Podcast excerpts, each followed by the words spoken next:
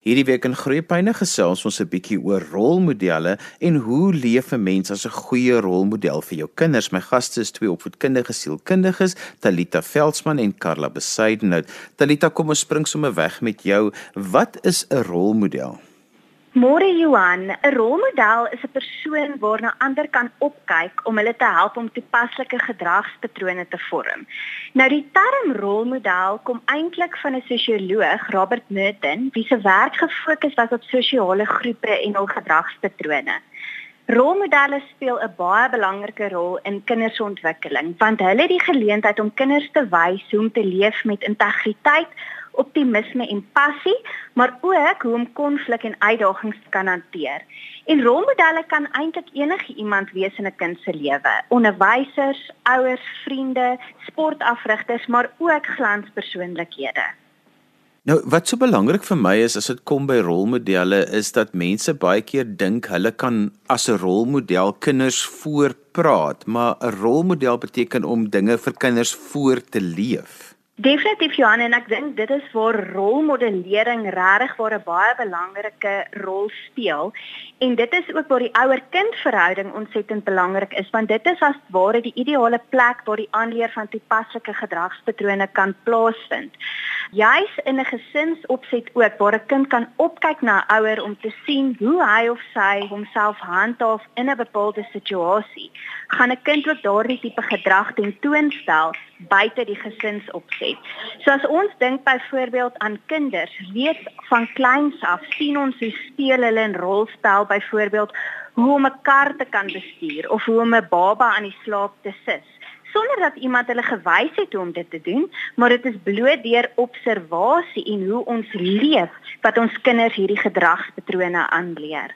Karla, want hoe is 'n ouer dan 'n rolmodel vir 'n kind? Ek dink nogal belangrik wat ons wat ons praat rondom ehm um, weet die die gedragsmodifikasie en die en die gedrag wat die ouers ek dink uitleef.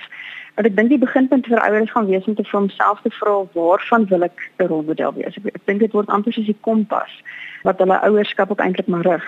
En hier dink ek is die is die gesprek rondom waardes nogal belangrik. Ek dink ouers hmm. moet vir hulle self vra watter waardes is dit wat ek my kind wil leer want daai waardes op die einde van die dag kweek ook 'n karakter en dit word later die fondasie waarop weet ouers hulle besluite en hulle ouerskap baseer. En dan dit ook dink ek nogal belangrik dat ouers dan soos 'n filosofie of 'n bloudruk vir hulle gesin eintlik maar skep en hulle ooreenstemming is tussen die ouers vir wat is dit wat ek belangrik ag om vir my kind uit te leef en te leer en te wys. Want dit is maar so die kinders leer deur wat hulle sien. En dan om dit dan weet op 'n tasbare of uitvoerbare manier te leef vir jou kind. En ek dink daai intentionele optrede van ouers is dan belangrik. Jy weet, waar kry ek geleenthede om intentioneel te wys dat dit is die waardes wat ek sê, maar wat is die waardes wat ek doen? Wat is dit wat ek uitleef? Eintlik net maar daai egtheid wat nogal belangrik is en dat ouers dan alledaagse gebeure gebruik om om gesprekke te hê oor die dieper dinge in die lewe. Wat is dit waarvoor ons gesin staan? Hoe hanteer ek sekere situasies waarin ek my waardes moet uitleef? En dan dink ek is dit nogal belangrik dat ouers dit wat hulle dan sê dan doen. Um, ek vat net 'n paar weke terug het ons hier by ons skool hierdie graad 3 se praatjie gehad oor wie is my rolmodel. En daar het ek gedink is dit 'n goeie geleentheid vir ouers om om alledaagse gebeurtenisse te gebruik in die gesin te betrek en te praat oor wat is 'n rolmodel en, en wat is die waardes waarna ek dit weeg um, van 'n goeie en 'n minder goeie rolmodel. Want ek dink dis dis in, in die tyd waarin ons vandag leef, is dit nodig dat ouers sal klem lê op wat is dit wat ek my kind leer en wys. So ek wil baie graag by julle weet wat is die kwaliteite dan van 'n goeie rolmodel? Johan, ek dink in die eerste plek is dit 'n persoon wat verantwoordelikheid neem vir hulle eie gedrag en ook hulle eie sukses. So dit is die idee dat 'n persoon sê goeie gedrag of verandering in gedrag begin by myself. Dit is werklik mense wat hard werk om hulle doelwitte te bereik en glo dat sukses nie sommer in hulle skoot val nie. Maar terselfdertyd is dit iemand wat leef met passie en die wens om ander te inspireer. So dit is tipies ook byvoorbeeld as ons kyk na 'n voorbeeld van sportsterre wat sportklinieke begin, wat passievol daaroor voel om hulle kennis en hulle vaardigheid oor te dra aan ander. En dan wil ek aansluit daarbey by wat Karla ook nou gesê het, 'n duidelike waardesisteem is een van die topkwaliteite van 'n rolmodel. Want kinders admireer mense wat optree binne hulle waardesisteem. En rolmodelle is ook gewoonlik betrokke in hulle gemeenskappe en hulle reik uit na mense in nood. So dit is waar daar ook 'n aanvaarding is vir mense wat anders is as hulle. Die idee om te help ongeag iemand se kultuur of agtergrond wat verskillend is as hulle sin. En dan natuurlik die manier waarop hulle struikelblokke en uitdagings oorkom. Ek onthou ek was so 10 jaar terug by 'n damesoggend gewees en 'n baie bekende glanspersoonlikheid moes 'n toespraak lewer. En toe sy opstap na die verhoog toe, toe hak haar hakskoen vas aan die verhoog en sy het geval. En toe sy opstaan, toe was haar woorde: "Dis nie hoe jy val nie, maar dit is hoe jy opstaan." En daardie woorde het my altyd bygebly en as ware regtig ook vir my um geïnspireer om te weet maar dit gaan nie oor ons uitdagings nie, maar dit gaan oor wat ek doen met daardie uitdaging en daardie kwaliteit is ontsettend belangrik vir 'n rolmodel. Ek wil 'n vraag vra oor heldeverering teenoor 'n rolmodel. Ons kry baie keer in komplekse gesinne waar daar 'n klomp uitdagings is waar kinders amper 'n heldeverering het vir die een ouer, maar die persoon is nie noodwendig die rolmodel nie en dan is daai helderverering amper so erg na die na die een kant toe van dit is so oordrewe dat dit eintlik problematies is. So hoe kry ons daai balans? Wel ek ek dink in terme van ehm um, net van daai egtheid ehm um, rondom dat dat alle mense is mense ons ons is gemaak met sterkpunte en swakpunte en ons maak foute.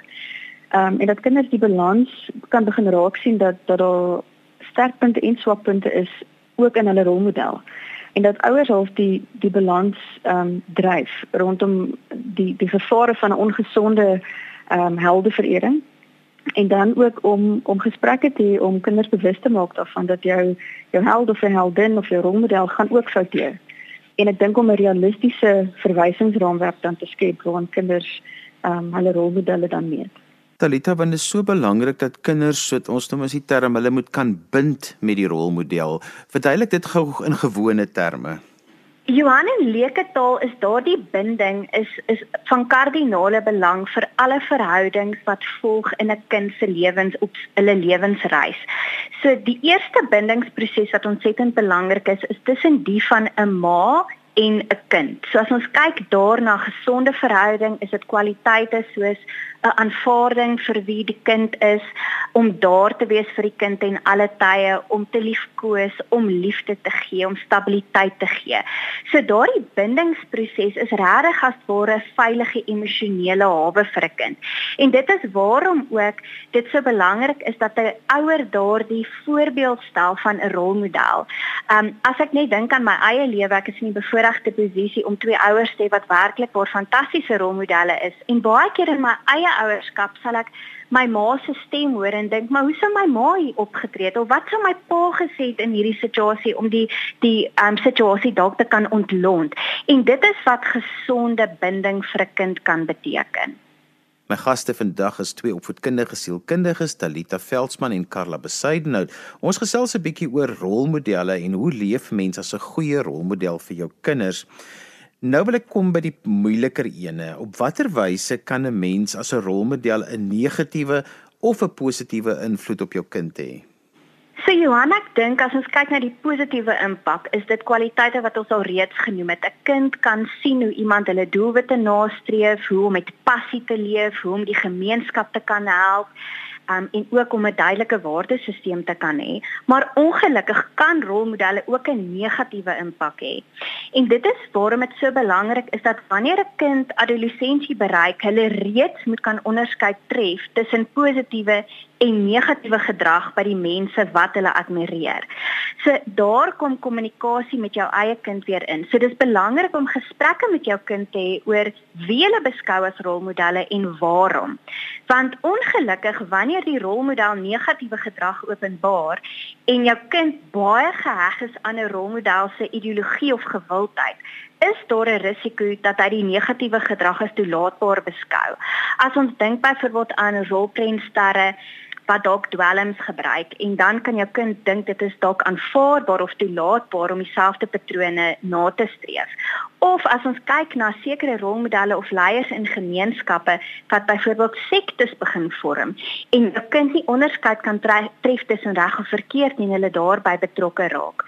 So wanneer 'n kind se rolmodel negatiewe gedrag openbaar, praat met jou kind oor julle eie waardes as 'n gesin en waarom die gedrag nie daarmee strook nie. En dit sal verhoed dat die rolmodel jou kind negatief ook beïnvloed. Karla want ek wil ook juis kom by die ding van ons as ouers is nooit perfek nie of ons as versorgers is nooit perfek nie. Ons is ook mense. Ek dink maar onlangs het ek byvoorbeeld so gesukkel met 'n inbelsentrum en die gedrag wat ek op die ou en dae geopenbaar het was regtig nie wat 'n rolmodel vir kinders moet doen nie en ek was so skaam na die tyd. So dit is die ander die kant van die munt is, is dat ons is ook net mense as ouers en versorgers. Nee, absoluut, maar maar Johan, weet ek ek dink ons leef in 'n tyd waar 'n beeld um in die samelewing voorgehou word, weet voorgehou word van perfek wees. Um hmm. en dinge moet op 'n sekere manier gedoen word en die standaarde is baie hoog. En en die kort en lank van dit is eintlik maar soos jy sê, ons is almal mense. Ons het almal foute en tekortkominge. Die ding is nou net ek dink baie mense erken hulle foute makliker as ander. En hier dink ek is dit belangrik dat ouers 'n bewustheid het ook oor hulle eie temperament en hulle eie persoonlikheid en of onder selfondersoek doen om om hulle self te vra hoe speel my eie temperament en persoonlikheid in op die ontwikkeling van my kind in terme van foute erken, foute regmaak, ehm um, ja daai tipe ding. So weer eens kom dit vir my meer op op ouers se egtheid, ehm um, want ek dink kinders sien in elk geval foute raak. Um, om egtheid te kan openbaar om te kan erken dat ek het 'n fout gemaak. Dis amper daai elke ouetjie maak 'n foutjie ding. Jy weet aanvaar wat jy wat jy verkeerd gedoen het. En dan in die proses leer jou kind dat foute soms reggestel kan word en hoe stel ek dit reg? Ehm um, maar dis weer eens daai erkenning van ehm um, ek het geval, ek het dalk seer gemaak of te nagekom of verkeerd opgetree in die oomblik. Ehm um, en ek vra verskoning daarvoor. Mm. Maar dan dink ek ook ehm um, weet wanneer ouers daai gesprek het, is dit belangrik ook dat dat hulle die gesprek met hulle kinders verder kan fasiliteer as 'n kind 'n fout maak. Is wat leer ek uit my foute uit? Ehm um, en wat gaan ek volgende keer dalk anders kan doen sonder om die veroordeling te plaas van jy het die fout gemaak en hierdie kind se selfbeeld daardeur net aan te tas. Ek dink dit gaan meer oor ons almal het foute, ons erken ons foute, ons vra verskoning en ons kyk wat leer ons uit om dit volgende keer dalk anders te doen. Ek sal graag by Karla daar wil aansluit, um, want ek stem 100% saam dat ouers moet versigtig wees om hierdie beeld ook voor te hou as perfekte wesens, want dit plaas onnodige druk op 'n kind dat wanneer hulle dan wel fouteer en foute maak of verkeerd optree in 'n mm. situasie, hulle dit nie baie keer vir 'n ouer wil kom vertel nie, want hulle is bang oor hierdie reaksie. Mm. Waar 'n ouer se eie foute en die erkenning daarvan en eintlik 'n ouer se vermoë om te kan sê ek is jammer, normaliseer vir die kind die proses hmm. van ons mag foute maak, maar solank ons daaruit leer en solank ons volgende keer probeer om dit anders te kan doen. Want dit is nogal vir my belangrik dat die veiligheid van die gesinsopset juist dit moet vir kinders toelaat om te kan foute maak ouers moet kan foute maak en dat 'n mens daai platform skep om dan oor die foute te kan gesels want ons probeer altyd hierdie perfekte gesinne wees juis omdat ons op televisie en oral baie keer met perfekte gesinne gekonfronteer word. So om daai ruimte te skep, dink ek is die uitdaging en dan ook wat betref tyd om daai ruimte te skep want ons is almal so besig. Iemand wat altyd gesê het hierdie tipe gesprekke is amper soos 'n wals, dit moet op die regte tyd wees, maar as iemand met die verkeerde voet begin dan val die gesprek gesprek ook maar plat. Ek dink daar is tyd saam as 'n gesin van kardinale belang Johan en ook om ek sê baie keer vir ouers wat wat ook kinders in hulle um, huishoudings het wat byvoorbeeld baie angstig is of perfeksionisties is. As jy byvoorbeeld inkleer saam met jou kind. 'n een Eenvoudige taakie en jy gaan mm. sommer as prins oor die lyn en lag daaroor en sê o, gat, kyk wat het mamma nou net gedoen. Want outomaties kyk jou kind en dis waar daardie rolmodellering plaasvind en jou kind kyk na jou en dink O, mamma het nou net 'n fout gemaak en dis oukei. Okay. Dit is nie die einde van die wêreld nie. Ek wil 'n bietjie praat oor rolmodelle wat sosiale media so aan ons kinders opdis en dit is nou in ons huise of ons dit daarvan hou of ons nou nie daarvan hou nie. Dit is maar deel van ons lewe en ons praat van die sogenaamde influencers wat hierdie groot gevolge het en wat hulle ook al sê is nou omtrent wat ook nou maar die norm word. Hulle as rolmodelle is so gefestig. Hoe hanteer ek dit met my kind? Maar ek dink soos wat ons nou net gesê het, ehm um, weet jy die beeld wat ons wat die samelewing ek dink skep rondom perfeksionisme ehm um, is dit ook iets wat ons ons sien op sosiale media en dit is as jy sê sosiale media is nou maar dit is eenmal hier en ek dink dit is daai kwessie rondom gevare teenoor geleenthede van sosiale media Maar weer eens Talita het nou nou verwys, ehm um, weet na na die na die waardes spesifiek. Ons wil by die beginpunt begin en dis kan ek sê dat daai waardes is anders soos 'n kompas. En as die waardes sommer van kleins af al vasgelees en ons 'n bloudruk het van van wat is dit waarvoor ons staan, dan glo ek gaan dit bietjie makliker wees vir kinders wanneer hulle ouer word om self te begin onderskei tref tussen rolmodelle wat op sosiale media um voorkom wat in ooreenstemming is met dit waarvoor ek staan en wat ek glo of nie is nie. Um en weer eens wat Sanana na verwys het is daai kommunikasie, daai gesprekvoering. Wie is hierdie persoon? Wat van hierdie persoon se leefwyse wil ek nastreef? En is dit wat ek dan gaan nastreef, gaan dit aan my lewe bou of gaan dit breek? So ek dink dis daai daai tipe gesprekke wat ons gaan moet hê en dan vir ouers om in voeling te bly met hulle kind se lewe, om op hoogte te bly van wie is die bekende persone wat die tieners deesdae volg? Of watter musiek is dit wat hulle na luister? En dan moet jy te gaan doen ook om te gaan ondersoek instel oor geleenthede van sosiale media. Wie is die influencers wat ek my kind kan laat volg wat 'n positiewe impak het op sy of haar lewe? en dan die kind vra te vra later aan rondom hoe kan hoe kan hierdie persoon 'n bydrae lewer na dit wat ek wil nastreef. En dan op die einde van die dag ook jou kind half te begin toerus om self 'n influencer te wees tussen sy of haar vriendekring. Um, om die dinge uit te leef waarvoor waarvoor hulle dan dan staan en en dit wat hulle positiewe rolmodelle dan leef. Ek wil gou vir julle 'n situasie skets en dan wil ek hê julle moet vir my so 'n bietjie vanuit 'n gedragsmodellering daaroor gesels. Ek is 'n werkende mamma met 'n regtige werk wat my emosioneel uitput want dit is baie baie wat van my verwag word in 'n dag. Ek het nou vanoggend vir my lewensmaat gesê want hy het net die middag afgehaat. Sal jy net sorg dat die wortels en die aardappels geskil is in die tyd wat ek by die huis kom sodat ek dan net die kos vinnig aan mekaar slaan. Toe ek nou vanmiddag by die huis kom toe sit hy nou op sy foon besig met sosiale media en die wortels en die aardappels lê nou nog net so daar soos wat ek dit vanoggend uitgepak het. Dit is nou daai ding wat nou net vir my nou plat vlam vat en ek gooi 'n uh, vloermoer daarso en ons 'n ewige argument vir die kinders oor wie moet wat doen in die gesin en die kinders sien dit nou alles. Hoe hanteer ek dit na die tyd want dit was 'n uh, amper 'n refleks reaksie gewees. Ek dink in die eerste plek Johan is konflik voor kinders nie altyd negatief nie. Um hmm. baie mense in gesinne is bang om konflik voor hul kinders te hê want hulle is bang dit stel 'n slegte voorbeeld vir 'n kind. Maar ouers vergeet ook dit is juis ook 'n situasie waar 'n kind kan leer hoe om konflik op 'n gesonde wyse te kan hanteer want konflik is deel van die lewe, dit is deel van ons daaglikse bestaan ek dink daar is dit in die eerste plek ook belangrik om om jou eie temperament in ag te neem soos wat Karla net nou genoem het. En alhoewel jy baie kwaad is in die oomblik en gefrustreerd is om wel beheer te hê van jou eie emosie. Om te kan sê ek is kwaad vir jou in hierdie situasie en hierdie is die redes waarom ek kwaad is. En om na die tyd met jou kinders 'n gesprek te kan hê om te sê jy kon sien mamma is verskriklik kwaad vir pappa hmm. want ek het pappa gevra om reeds te begin met die kos. Hy het dit nie gedoen nie, maar hierdie is wat ek dalk reg gedoen het in die situasie, maar hierdie is ek die situasie dalk beter kon hanteer. Dit kom weer eens manier op op die hele ding van egtheid. Ehm um, daar is oomblikke wat ouers net vlam vat en en so graag soos wat 'n mens die regte ding wil sê en doen dit net nie altyd noodwendig so gebeur nie maar op die einde van die dag, ehm um, dink ek is belangrik dat ouers ook besef hulle is die ouers. En en daar is 'n sekere verantwoordelikheid ook in hoe ek optree en wat ek sê en wat ek doen en as ek sou fouteer of die situasie totaal op 'n verkeerde manier hanteer om dit te erken. Ehm um, want dit is dan wanneer kinders leer dat daar is ehm um, waarde in erkenning en en wat doen ek volgende keer om dit anders te hanteer.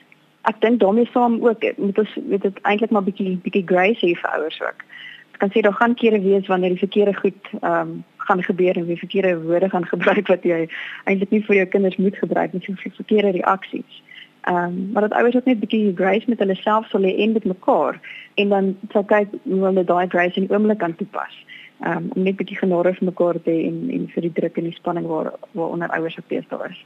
Daar's my nog 'n aspek wat nogal belangrik is en dit is dat 'n mens altyd baie keer vir jouself dink jy tree op soos 'n rolmodel. Jy dink dit is hoe jou kind daaroor voel, maar daar's 'n verskil tussen wat 'n mens dink en jou vooropgestelde idees en wat in jou kind se hart gebeur en om jou kind se hart te hoor. En dis nogal belangrik dat 'n mens daaroor sal dink oor hoe jy dink jy oorkom en en wat jou kind actually ervaar aan sy kant.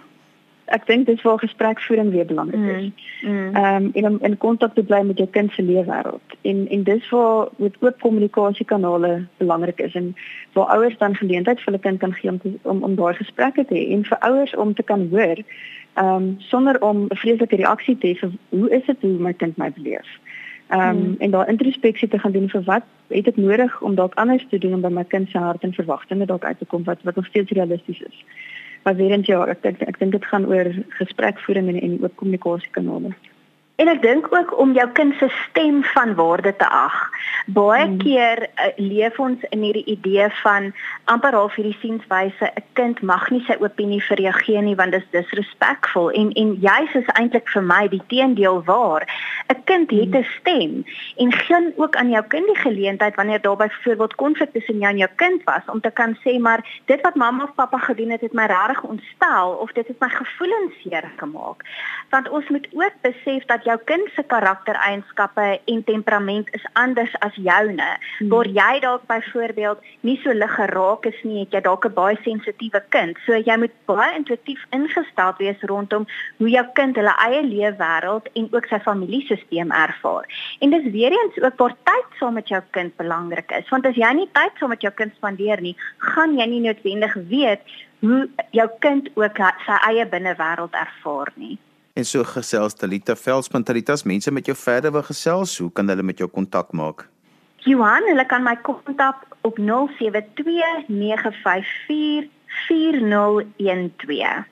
Ons het ook gesels met eh, opvoedkundige sielkundige Karla Besaid. Nou Karla's mense met jou wil gesels, hoe kan hulle met jou kontak maak?